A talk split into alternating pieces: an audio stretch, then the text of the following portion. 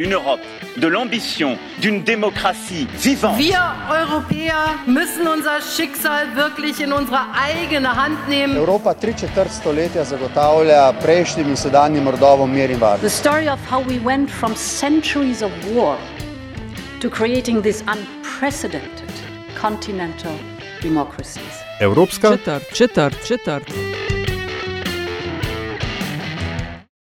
Will not go back to Brussels and ask for another delay. I'd rather be dead in a ditch.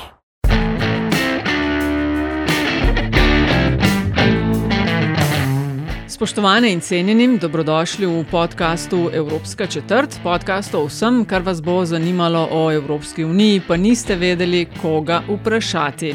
Evropsko četrt vodiva Nataša Briški in Aljaš Špengov Bitenc. Podcast domuje na spletni postaji metinalista.si, v vašem nabiralniku pa sveža epizoda takoj, ko je na voljo. Brexit in kje smo danes, je tema tokratne epizode. Januarja 2021 se je končno zgodilo to, kar se je najavljalo že nekajkrat prej. Združeno kraljestvo in EU sta dokončno prerezala popkovino, prehodno obdobje se je izteklo 31. decembra lani, in uh, zdaj smo pa na nek način res vsak na svojem, z vsemi plusi in ali minusi, odvisno seveda, z katere strani kdo gleda. Zagovorniki Brexita so temu rekli sunlit uplands, ne? in zdaj, če so te osončeni hribčki se res zgodili ali ne, nam bo uh, vedel povedati naj današnji uh, sogovornik. Je pa res, da so z druge strani uh, cel kup uh, neprijetnih izkušenj, recimo poljski tovornjakari se ponovno izogibajo prevozom na otok, ker morajo ure dolgo stati na dežju pred improviziranimi carinskimi okenci. Britanskim prevoznikom na meji v Evropsko unijo jemljajo sendviče zaradi fitosanitarnih ureditev, na Severnem Irskem pa so bile mnoge trgovine kar brez artiklov, ker v prvih tednih po Brexitu ni bilo dobav. Da o ribah in ribičih sploh ne govorimo. No, in sago o Brexitu, o tem se bova pogovarjala v tej epizodi z dr. Petrom J. Verovškom. Pozdravljeni. Pozdravljena. Doktor Verovšek, da začnemo recimo na začetku. Če se lahko malo predstavite na kratko o svoji akademski poti in kaj vas je pripeljalo v Združeno kraljestvo, kjer predavate danes. Zdaj fizično ste danes sicer v Sloveniji, ne, če sem vas prav razumela, ampak delujete pa tam. Se pravi, nekaj o tem, kaj vas je odpeljalo na tisti konec sveta in o vaši akademski poti. Ja, no, še enkrat uh, lep pozdrav vsem. Ja, se mi zdi tako, kaj me je odpeljalo v Veliko Britanijo. To je zmeraj nekakšno zelo nevarno vprašanje za akademika. Um, kaj ti akademiki v bistvu ponovadi nimamo, kaj dosti izbire, kje končamo. Uh, smo zelo odvisni od tega, kje so kakšni razpisi, um, ki iščejo ljudi ki imajo nekako naš profil, in pol konc koncev, ki uspemo, pol kakšno tako pozicijo oziroma kakšno tako ponudbo izkoristiti in dobiti kakšno ponudbo za službo. Se pravi, jaz sem študiral uh, v Združenih državah, sem bil tudi dolga leta tam, um, sem tudi deloval tam v Ameriki kot postdoc. In potem, ko sem iskal službe, sem nekako mal gledal tudi v Angliji. Um, takrat, to je bilo leta 2015-2016. Um, sem malo razmišljal, da bi rad bil malo bližje domu, malo bližje Sloveniji, um, da bi se vrnil v Evropo. In se mi je takrat zdela Velika Britanija nekako tak lep kompromis, da bi še zmeraj lahko deloval znotraj mednarodnega akademskega sistema v angleščini, ker sem se zelo prevadil tudi na jezik. Ampak vseeno bi bil blizu Slovenije, bi bil kot evropski državljan v bistvu tudi nekako v Veliki Britaniji, v nekakšni domovini in se mi je zdela to nekako ja, tako dobra srednja pot. Um, jaz sem podpisal pogodbo na Sheffieldu, um, glih tri tedne pred referendumom za Brexit. Takrat še noben ni v resnici verjel, da se bo kaj zgodilo tle. Tudi vsi kolegi so mi zagotavljali, da ja, ne skrbi, ne skrbi, bo vse v redu, kar podpiši pogodbo, ne bo nobenega problema. In potem ja, sem se pač tisto jutro po referendumu zbudil in videl novico. Um, in potem ja, se je pač začela ta zgodba. Sem tudi pol celo poletje, preden sem nastopil na pozicijo, gledal, kako moja bodoča plača v primerjavi z drugimi valutami pada. Skratka, ja, nekako je v bistvu moje bivanje v Veliki Britaniji zelo povezano z Brexitom že od vsega začetka. V bistvu vas je, um, mislim, timing, se ne vem, no, ampak mogoče ni bil najboljši, ne, če vas prav razumem. Ja, po eni strani ni bil Ali pa ja, najboljši. tako ja. ja. Ja, po drugi je pa seveda zelo zanimiv čas, um, v katerem biti v Veliki Britaniji sem tudi lahko od blizu spremljal. Um, pač vsa ta pogajanja, tudi vlado Teresa May, uh, volitve, že prve, ki jih je sklicala in skoraj da je izgubila, mm -hmm. in pol te druge z Johnsonom. Tako da iz tega vidika je, bila, je bil to zelo dober uvod v britansko politiko in vse drugo. Je pa seveda tudi veliko slabosti, ki pridejo zraven s tem projektom, sploh za evropskega državljana, ki živi in dela v Veliki Britaniji. Zdaj, um, to sago z Brexitom, mimo grede, mislim, da je Nataša ravno sago o Brexitu tudi nekako sovpada ne, z začetkom Evropske četrti ne, tega podcasta, tako da ta povezava obstaja.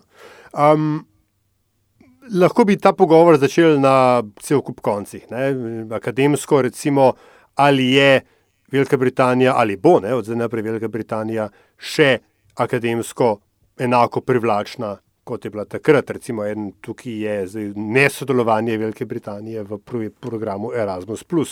Drugo vprašanje je, ali je to še globalna sila. Ampak, recimo, ne, če ostanemo na tej vaših intimnih zaznavah, ali je Velika Britanija danes še kakorkoli podobna Veliki Britaniji, v kateri ste vi eh, podpisali pogodbo za sodelovanje s Sheffieldsko univerzo? Ja, mislim, jaz težko v bistvu odgovarjam na vprašanje, kako je bila Velika Britanija prej, se pravi, preden se je v bistvu vse to začelo. Ne verjamem, da se je zdaj v teh parih tednih od tega, ko, smo, ko se je pač dejansko Brexit, um, ko smo dejansko zdaj doživeli Brexit po koncu tranzicijskega obdobja, mi, ne verjamem, da se je kaj res spremenilo v vsakodnevnem življenju, tukaj je seveda bolj prisoten koronavirus. Ampak vsekakor se mi zdi, da se zelo opazi, oziroma odkar sem jaz prišel v Veliko Britanijo, sem zelo opazil Brexit v vsakodnevnem življenju. Um, recimo, jaz sem, ko sem bil dolga leta v Ameriki, sem veliko krat se dobival s kakšnimi slovenskimi prijatelji ali po telefonu govoril s starši ali s kakšnimi prijatelji in nekako. Govorjenje tujega jezika po ulici, v javnosti, recimo, nikoli ni predstavljal problem, kdaj je kdo vprašal, kje jezik je to, um, ali jih je kaj zanimalo, ampak nikoli ni bilo dobenih takih, kako bi rekel, situacij, kjer bi se počutil nelagodno zaradi tega. V Veliki Britaniji, še posebej v Sheffieldu, da ga malo lociram, to je v bistvu v severni Angliji, um, kakšno uro, 45 minut vzhodno od Manchestra in Sheffield, sam kot mesto, je bil zelo razdeljen, je tudi glasoval za Brexit, um, predvsem zaradi tega, ker je to mesto v bistvu bivše industrijsko mesto, bivši industrijski center in je bilo tudi zelo razdeljeno. Um, tam, ko so v bistvu te bolj delovske četrti, so, pred, so pretežoma glasovali za Brexit. V bolj bogatih četrtih, kjer so profesionalci, kjer so akademiki, pa ne. In jaz sem, odkar sem bil v Sheffieldu, kar parkrat doživel, da sem se v slovenščini pogovarjal v javnosti in so mi recimo povedali, da se naj vrnem na Polsko, da ne grem domov. Um, kar je bilo pa meni zanimivo, je bilo pa, da sem dobil čist nekako drugo reakcijo, ko sem govoril angliščino in v angliščini imam nekako zelo močen ameriški naglas. In takrat sem bil pa nekako tisti dober imigrant uh, iz anglosfere in take imigrante nekako hočejo. In meni je bilo to zelo zanimivo videti, ker nekako je, bilo, je bila to moja prva izkušnja, prva resna izkušnja kot bel moški, da sem res doživel nekako nek tak rasizem, če lahko temu tako rečemo. Um, je bila res zanimiva izkušnja, ker pač ta rasizem ni po barvi kože ali karkoli, ampak kako so zaznali nek vzhodnoevropski jezik, je takoj pol pristopilo, da ja, no, ta je pa zihar, kakšen delavec, ki nam jemlje službe, takih nočemo Aha. ali kakorkoli. Medtem ko ja, američani so bili pa v redu, to je bilo pa nekako spremljivo, oziroma še, še celo zaželjeno. Mhm. Vi od leta 2017 eh, na tej univerzi v Sheffieldu poučujete politično teorijo in mednarodne odnose. Zdaj, nekaj malega ste o tem že govorili. Um, kakšni so bili ali pa zapleti, pa pomisleki, ko ste podpisali tako rekoč tik eh, po tistem, kar se je, oziroma pred, eh, ko, se je, ko so glasovali za Brexit. Eh, za vas kot profesorja v um, Združenem kraljestvu so v tem pogledu kakšne razlike? Ok, zdaj ste omenili te, um, recimo, da. Izkušnjo, ki ni bila najbolj prijetna, kaj pa kot profesor, ker, niste, um, ker Velika Britanija ni več članica EU? Um, do zdaj jaz nisem imel nobenih problemov, še, um, ker sem tudi v bistvu začel že z, z delovno pogodbo pred Brexitom. Um, sem tudi nekako um, upravi, upravičen do statusa, sicer ker nisem še pet let v Veliki Britaniji, um, nimam pravice, da ostanem nekako um, za nedoločen čas, sem še zmeraj vezan na obdobje petih let in potem so nekako, pa, vsaj po sedanjem zakonu, oziroma sedanji zakonodaji, um, da bi dobil pravico pač za nedoločen čas, da ostanem. Bomo videli, kako se bo to razpletalo. Um, seveda, kot veliko evropskih državljanov, nekako, sploh, ki smo zdaj zadnja leta gledali različne škandale z migracijo na home officeu, se pravi na notranjem ministrstvu um, kjer so tudi uh, uničevali dokumente in potem ljudi, ki so imeli pravico biti v Veliki Britaniji, v bistvu prisilno repatriirali v države, ki jih sploh niso poznali. Ne, en škandal je bil recimo ta Windrush. Um, Ko so v Karibe vračali ljudi, ki so bili rojeni v Veliki Britaniji. In seveda, za nas je zmeraj pa vprašanje, da ja, po trenutni ureditvi imamo pravico, ampak to v teoriji, zdaj, ker ni več Evropskega sodišča, bi se lahko kadarkoli spremenilo, če bo parlament zakon spremenil. Se pravi, neka, neka nervoza glede prihodnosti, sigurno obstaja, ampak trenutno še ni bilo dobenih konkretnih težav. Tudi upam, da jih ne bo, tudi ta nov točkovni sistem, načeloma, nas ne bi smel ogroziti. Um, tako da bomo videli. Poučujete mednarodne odnose. Zdaj si predstavljam, da ko stopite pred študente, ali je to uživo ali je to zoom, da pride tudi do vprašanja Brexita. Kaj takrat poveste, o čem se pogovarjate? Ja, um, seveda pride tudi do tega vprašanja. Ja, mi, kot mislim, jaz, del, jaz delujem na, podrod, na oddelku za politologijo in mi se pa od tega zmerno lotimo um, bolj teoretsko in bolj veliko govorimo sveda, o vprašanju suverenosti, um, o, o globalizaciji, um, o, o pač um, trgovinskih sporazumih. Se pravi, to, te pogovori ponovadi bolj ustanejo na tej ravni in seveda tudi študenti, če pogledamo izide. Um, volitev, oziroma demografske podatke, vemo, da pač da nekako je, bil, je bila izobrazba ena od najbolj, najboljših um, teh razločevalcev, da smo vedeli, kako so ljudje glasovali. Se pravi, izobraženi so predvsem glasovali, da ostanejo v Evropski uniji. Pravi, moji študenti, načeloma, nisem imel nikoli kakšnega študenta, da bi kaj rekel, da je podpiral Brexit um, ali karkoli tasga, da bi bil s kakšnimi študenti zaradi tega probleme. To se mi nikoli ni zgodilo. Sem imel tudi že kar nekaj študentov, ki so mi pojamrali, zdaj, da, da bodo več mogli izkoriščati Erasmus, ali pa ki imajo um, kakšen, kakšno partnerco ali pa karkoli um, iz Evropske unije in jih kaj skrbi.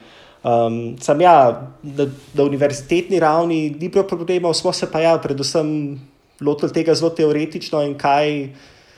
V bistvu, kaj stoji za tem, in predvsem, ja, veliko smo govorili o tej ideji suverenosti in v bistvu kako ima Evropska unija, kako v bistvu Evropska unija temelji na dosti drugačnem razumevanju suverenosti kot pa ta projekt Brexita. Evropska unija nekako temelji na neki bolj moderni ideji suverenosti, da je suverenost ne zaoblikuje samo to, kar kakšna vlada lahko dela znotraj svojih meja, ampak da je, da je ta moderna suverenost se tudi skuša nekako poriniti čez meje in skuša se urejati zadeve, ki so čez meje. Bodi si, če, to, če gre za terorizem, ker hočemo recimo teroriste ostati, preden pridejo v državne meje in rabimo pomoč svojih sosedov, ali če gre za trgovinske odnose, kjer hočemo zagotoviti, da nekako veljajo ista pravila glede varnosti potrošnikov in tako naprej, da ni treba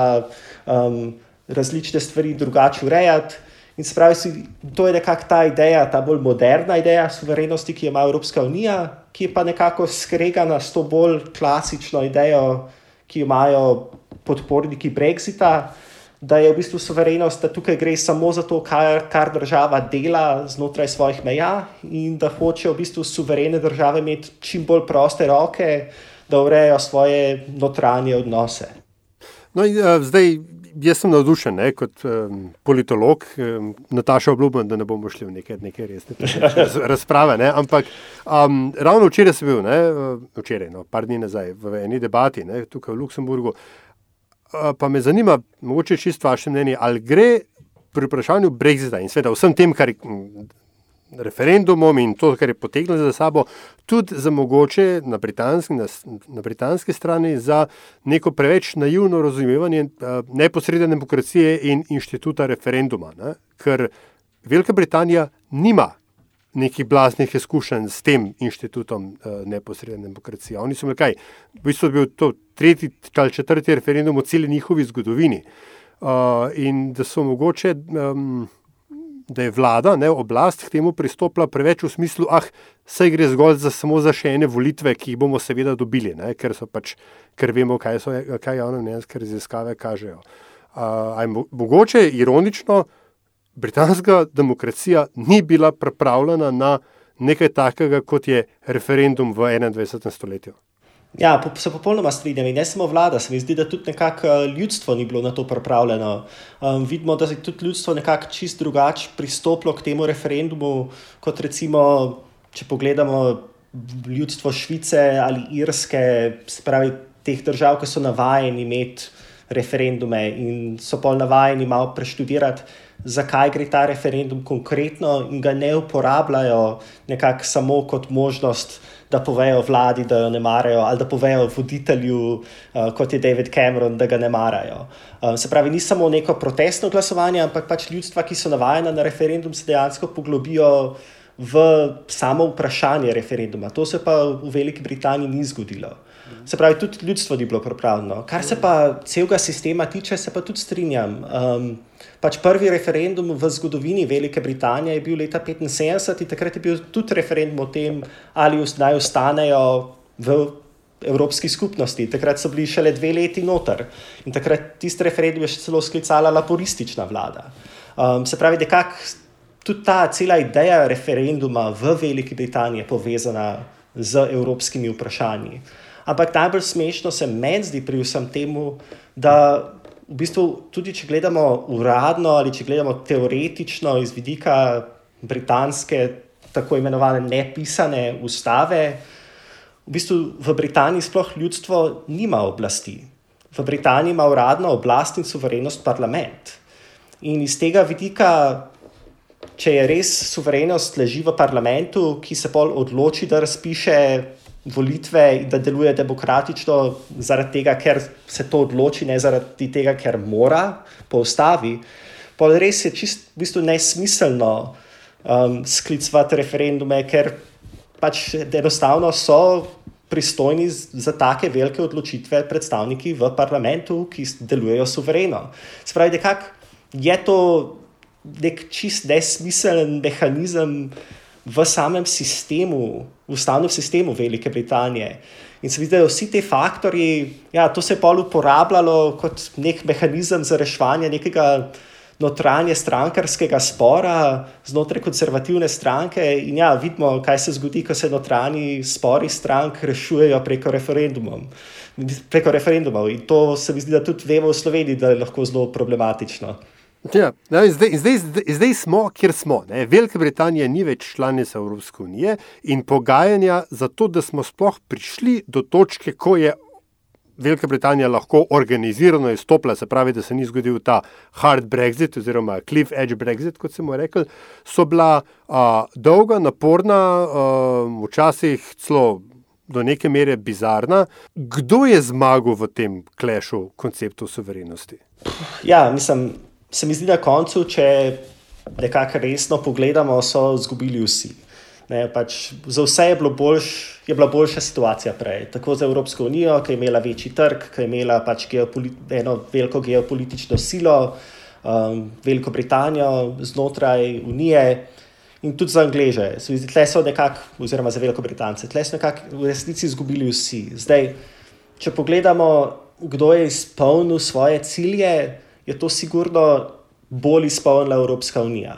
Um, Evropska unija je nekako uspela pokazati, da članice lahko izstopijo, ampak da nekako obstaja ena velika cena za izstop.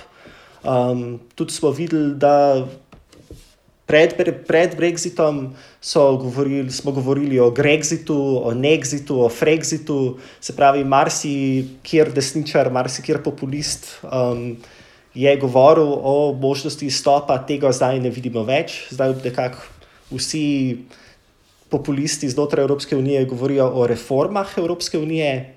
Um, se pravi, iz teh vidikov se mi zdi, da je Evropska unija nekako uspela v svojih ciljih. Velika Britanija pa morda tudi zaradi tega, ker so bili njihovi cilji čist nerealistični. Ne? Boris Johnson se je večkrat pohecal, da hočejo imeti torto in jo tudi pojesti, ne? kot je pač ta um, vic v angleščini, to have your cake and eat it too. Um, in je pa tudi pozdravil ta sporazum, ki je bil, da je to zelo tortast sporazum, se pravi, ne? da so dobili vse, kar so hoteli, da lahko pojejo torto in jo še zmermajo.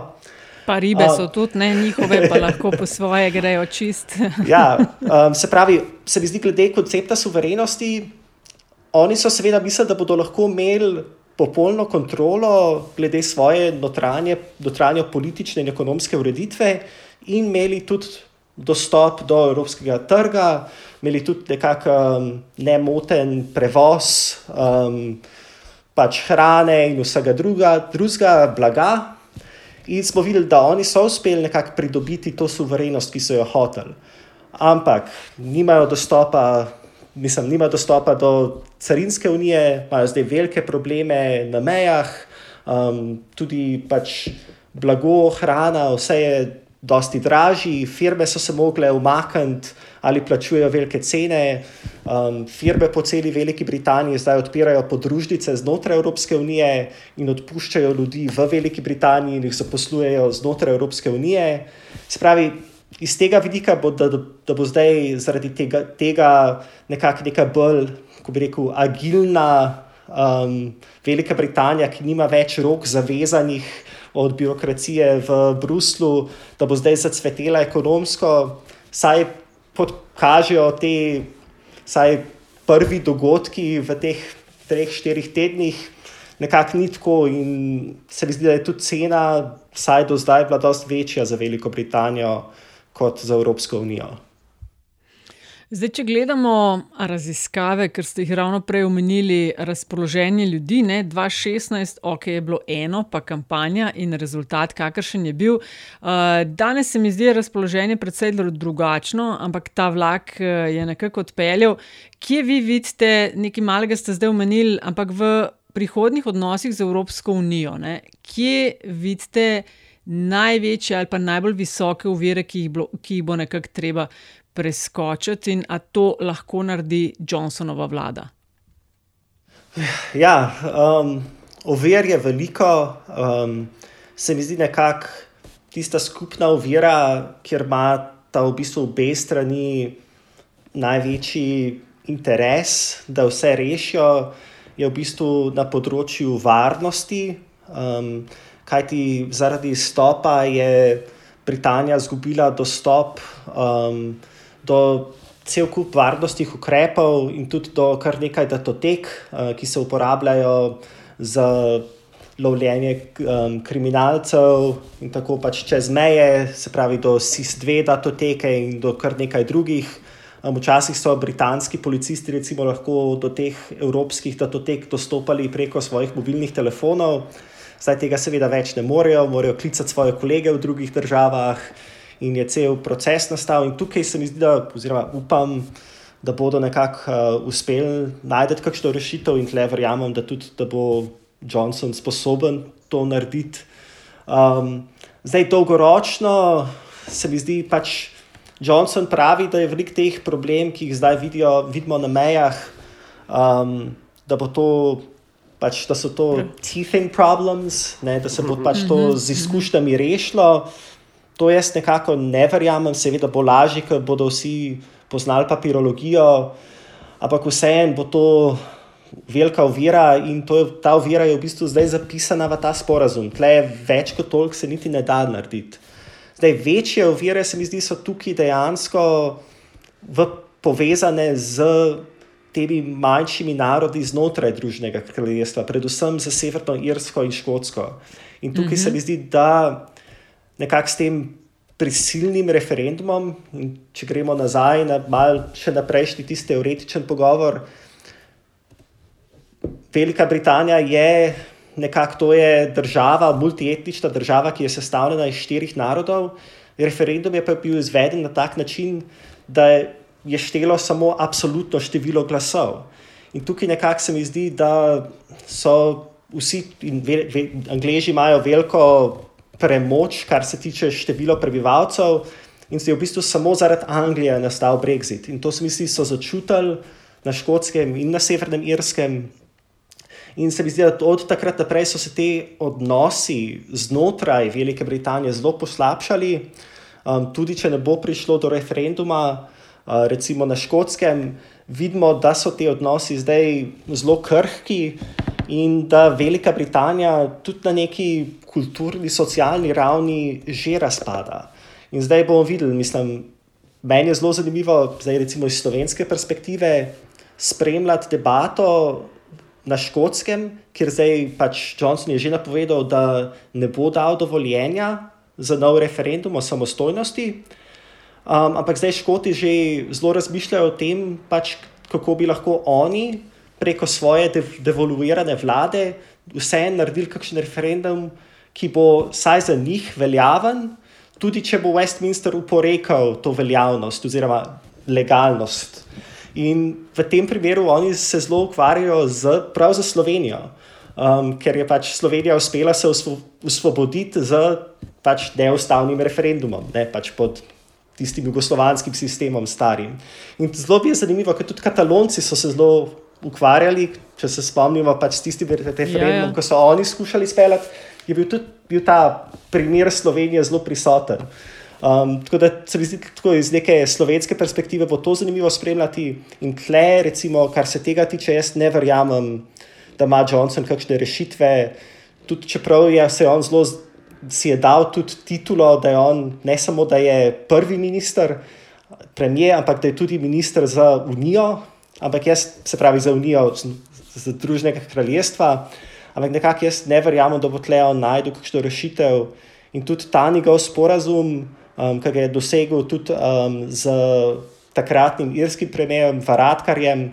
On je v bistvu tudi de facto odrezal Severno Irsko, že vsaj v ekonomskem smislu iz Velike Britanije.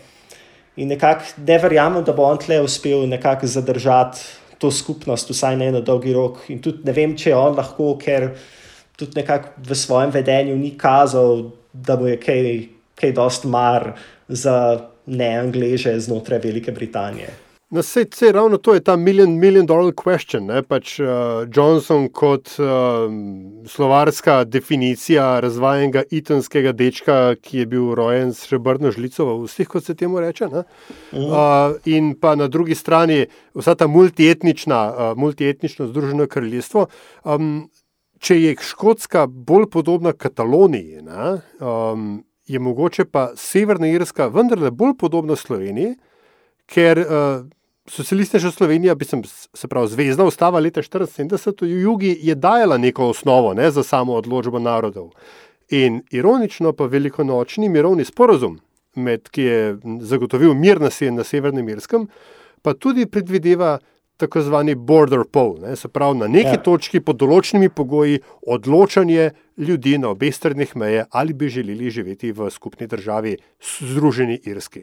A je mogoče, medtem ko se vsi ukvarjamo s Škotsko, Severna Irska tista, ki bo prva šla? Mečkim ste že namignili, da ekonomsko jo je Johnson že nekako postavil ne, na zadnjo. Ja.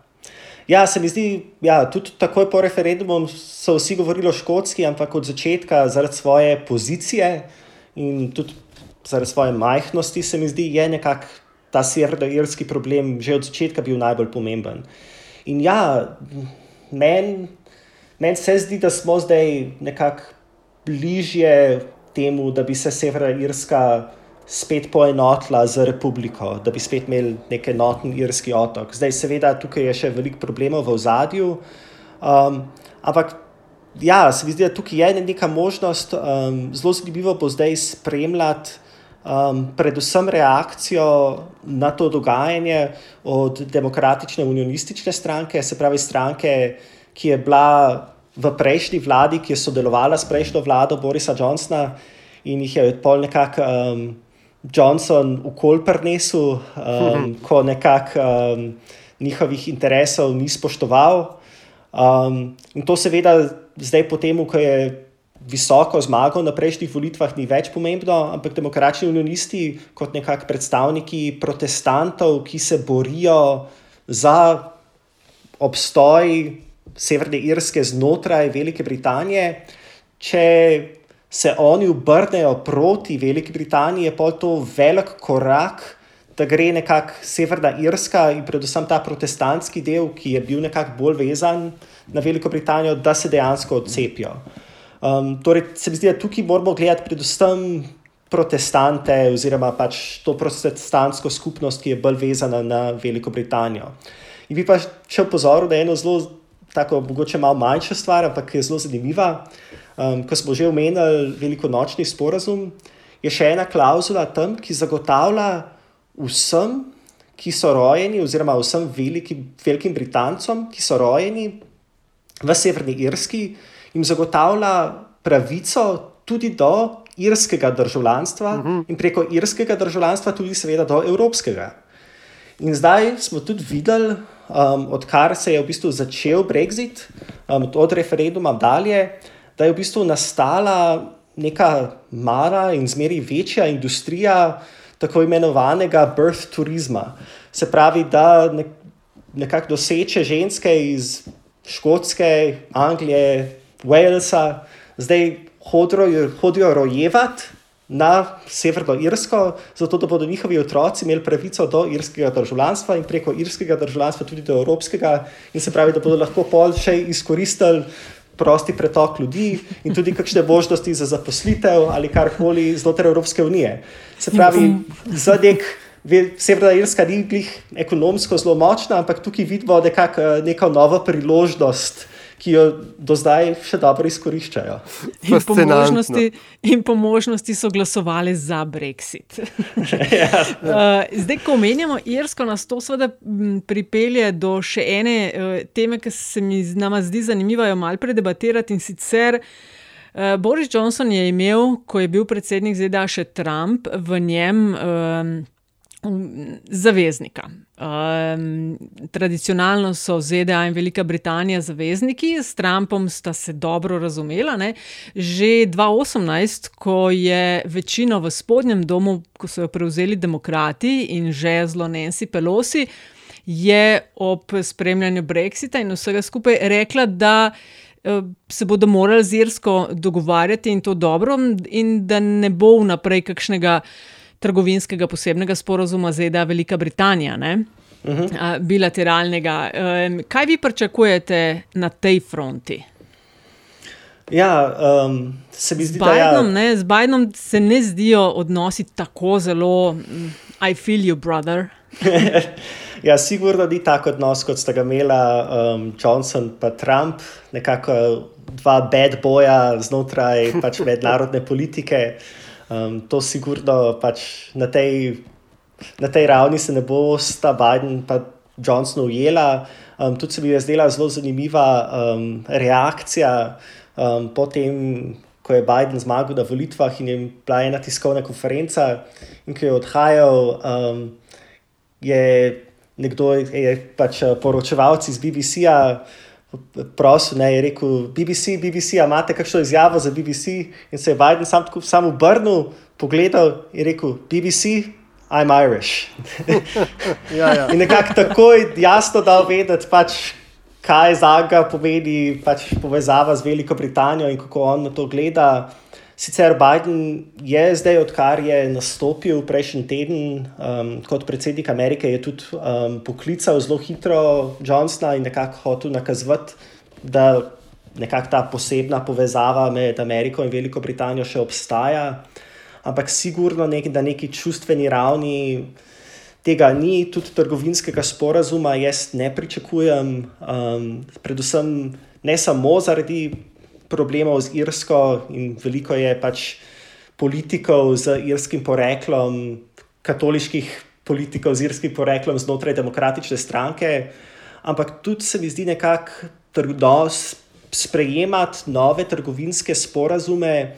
To je trenutno um, zelo težek teritorij politično za demokrate, ki hočejo pridobiti spet več glasov od delovskega razreda v Ameriki.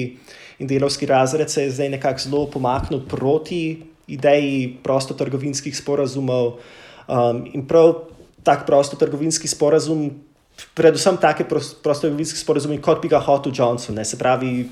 Uh, z nizkimi regulacijami, um, brez kakšnih večjih um, varnostnih klauzulah za delavce, um, in tako naprej. Se pravi, tukaj se mi zdi tudi na neki ideološki ravni to za Ameriko ni več prioriteta, predvsem ne za demokratično stranko. Se pravi, tukaj se mi zdi, da je Velika Britanija zelo izgubila in tudi. Če gledamo iz nekega geopolitičnega vidika, vidimo, da se svet nekako zbiri zmeri bolj izoblikuje v neke bloke, ne, v kitajski blok, v ameriški blok, v Evropo. In se vidi, da glih Velika Britanija glih izstopila iz Evropske unije, glih v času, ko nekako ni več, ne cveti več tist isti globaliz, global, tista ista globalizacija, ki smo jo videli recimo po letu 89, ampak ko se spet nekako izoblikujejo take manjše fronte, in tukaj se mi zdi, da bo Velika Britanija mogoče malo težje se znašla, ko ne bo več povezana z pač enim večjim tem blokom. Jasno bo še zmeraj sodelovala bolj z Ameriko in um, Evropsko unijo kot s Kitajsko, ampak tukaj se mi zdi, da so v bistvu v njihov napačnem času se nekako. Uh, lotili tega, da so se odcepili od Evropske unije. Ampak recimo, da zdaj mi vendarle uh, predvidimo, da stvari ne bodo šle ne, z lepim slovenskim izrazom to hell in a handcart. Um, kaj, uh, recimo, ne vem, slovenski, kaj je to, srednji šolec, ki je upal na to, da bo imel dobil štipendijo, ali pa, ali pa študent drugega letnika, ki upa, da bo tretjega ali četrtega naredil na neki, neki britanski univerzi, um, nekdo, ki je hotel odpreti podjetje v Londonu ali pa kjer tam zato, ker, bi, ker je lažje, ker je manj davkov, manj birokracije. Ali je Velika Britanija danes in v naslednjih parih letih, po, tako kot vi stvari vidite, še vedno prostor, kjer bi se te kratkoročne osebne cilje dalo zaslediti? Ja, seveda se bo dalo, sam se mi zdi, da ni pa več. Se mi zdi, da bo vse en manj ljudi iskalo ta prostor v Veliki Britaniji, ampak bodo raje šli vem, znotraj Evropske unije, mogoče na Nizozemsko. Um, ali bodo pa pol, če že grejo izven Evropske unije, če bodo že mogli se z vso birokracijo točk in migracije ukvarjati, bodo po mojem bolj tudi pomislili, da ne grejo samo do Velike Britanije, ampak morda še celo do Amerike, Kanade, Avstralije, Singapurja, ne vem, odvisno seveda pač od tega, kaj, kaj si želijo. Ampak se mi zdi, da zdaj Velika Britanija je bila tudi nekako, tam je bilo vse to lažje, ker ni bilo treba urejati toliko papirologije.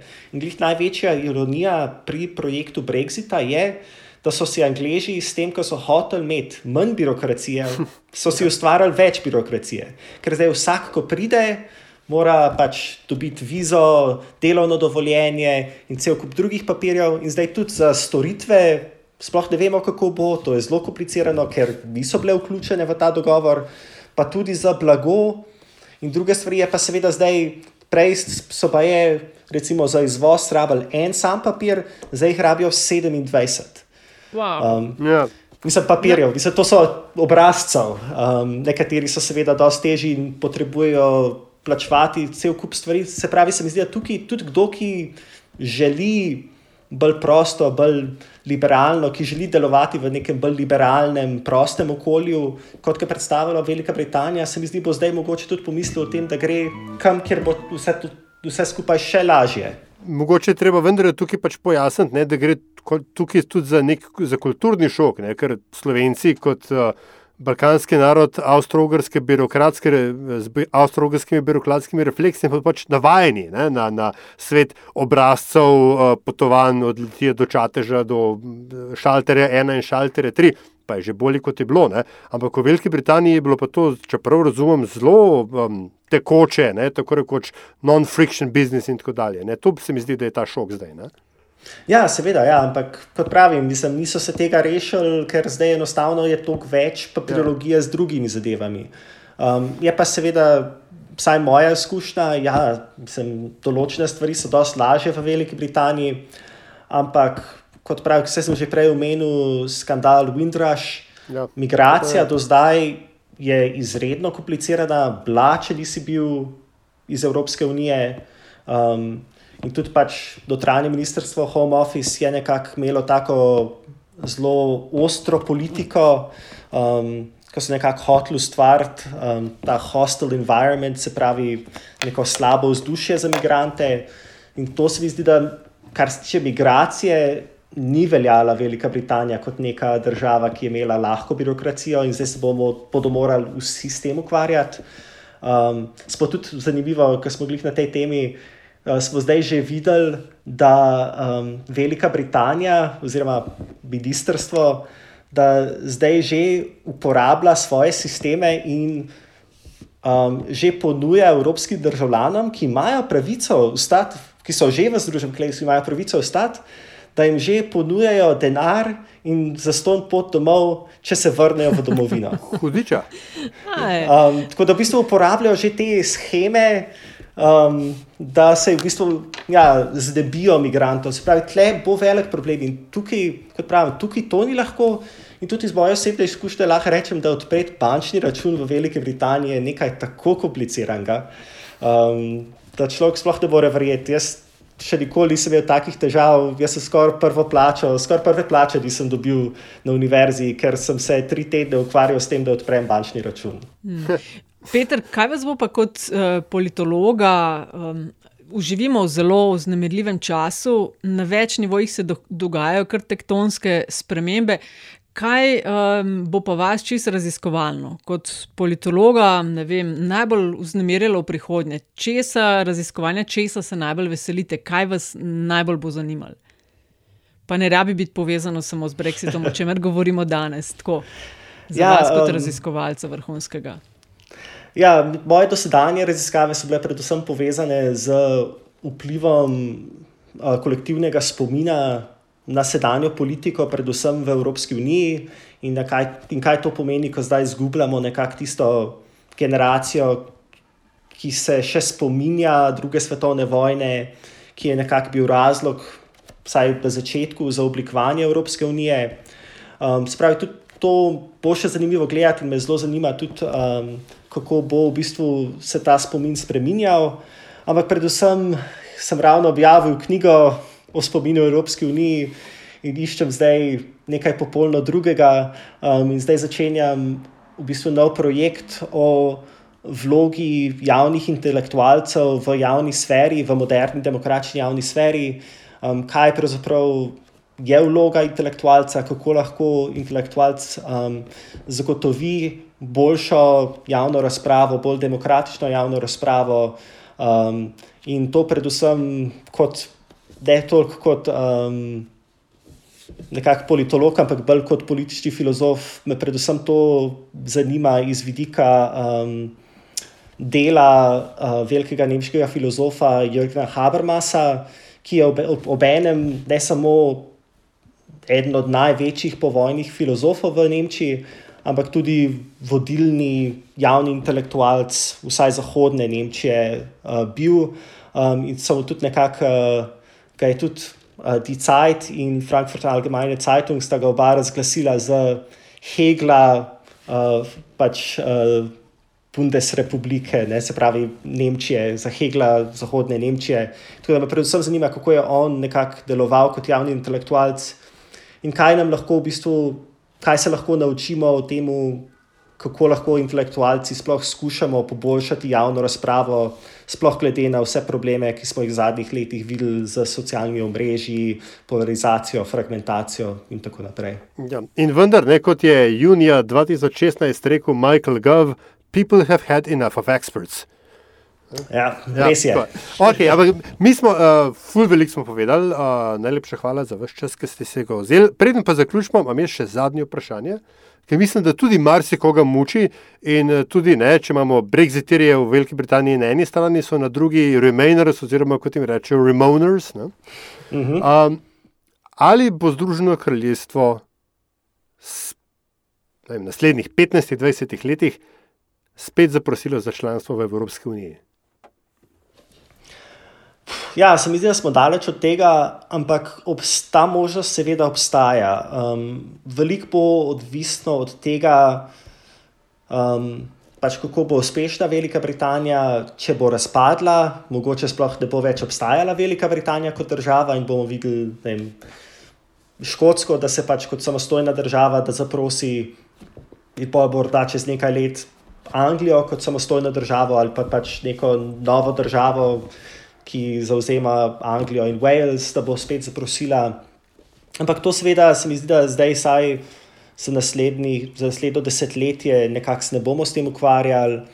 Večje vprašanje je za me, če bomo videli, um, recimo, če pride uh, Kir Stama, se pravi vodja trenutne opozicije, vodja laboristične stranke, če recimo on zmaga na naslednjih volitvah, ali pa če vidimo, ali pa če Boris Johnson um, zgubi svojo pozicijo in je njegov naslednik znotraj konzervativne stranke nek bolj tradicionalen predstavnik te stranke, ki mu je bolj mar za gospodarstvo in za biznis. Če bodo pol poizkuš, poskušali morda priti do novega sporazuma do kakšnega sporazuma, sporazuma ki bo bolj podoben tistemu, kar smo pričakovali med kampanjo za, za referendum. Recimo, da bo bolj podobno tem sporazumu, ki ga ima recimo Norveška, ali, ali mhm. pa bolj podobno tej relaciji z EU, ki jo ima Švica.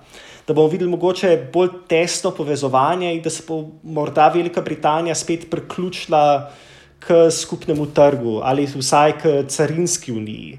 Um, in to se mi zdi, vsaj za naslednjih 10-15 let, dost bolj verjetno, kot da bodo spet zaprosili za članstvo. Kaj ti tudi se mi zdi iz evropske strani, Evropska unija bo hotela nekako videti, dobiti neka zagotovila, da če se Angliji spet postanejo člani, da bodo nekako tudi člani ostali in da ne bo spet nov Brexit in nova pogajanja.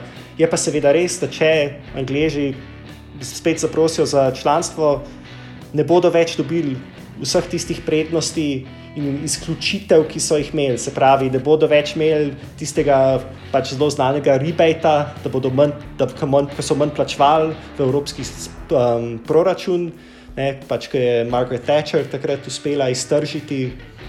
Ne bodo se bodo mogli priključiti evru um, in vse te druge stvari, ki so se oni nekako branili prej. Se pravi, tudi če, če bodo ponovno zaprosili za članstvo, bo to dosti drugačno članstvo, kot ga je imela Velika Britanija prej z Evropsko unijo. Mm, dosti drugačna pogajalska pozicija. Ja. Uh, doktor Peter Joverovšek, najlepša hvala, ker ste bil gost uh, podcasta Evropska četrt. Hvala za ta pogovor in, in vsa pojasnila. Ja, hvala vama, da ste me imeli. To je bila Evropska četrt. 63. v podcast Vesolju. Hvala za vašo pozornost, predlogi mnenja so kot vedno zelo dobrodošli, hvala pa tudi za pohvale in kritike, ki jih delite z nama in res hvala za vse investicije, ki jih namenjate razvoju in produkciji naših vsebin. In še to, avtor glasbene podlage je Peli iz podcasta Opravičujemo se za vse nevšečnosti. Če vam je vsebina všeč, bo pomagalo, da nas najde še kdo, če naj ocenite pri vašem izbranem podcast ponudniku ali ponudnici. Sicer pa hvala za vašo družbo in se spet slišimo k malu.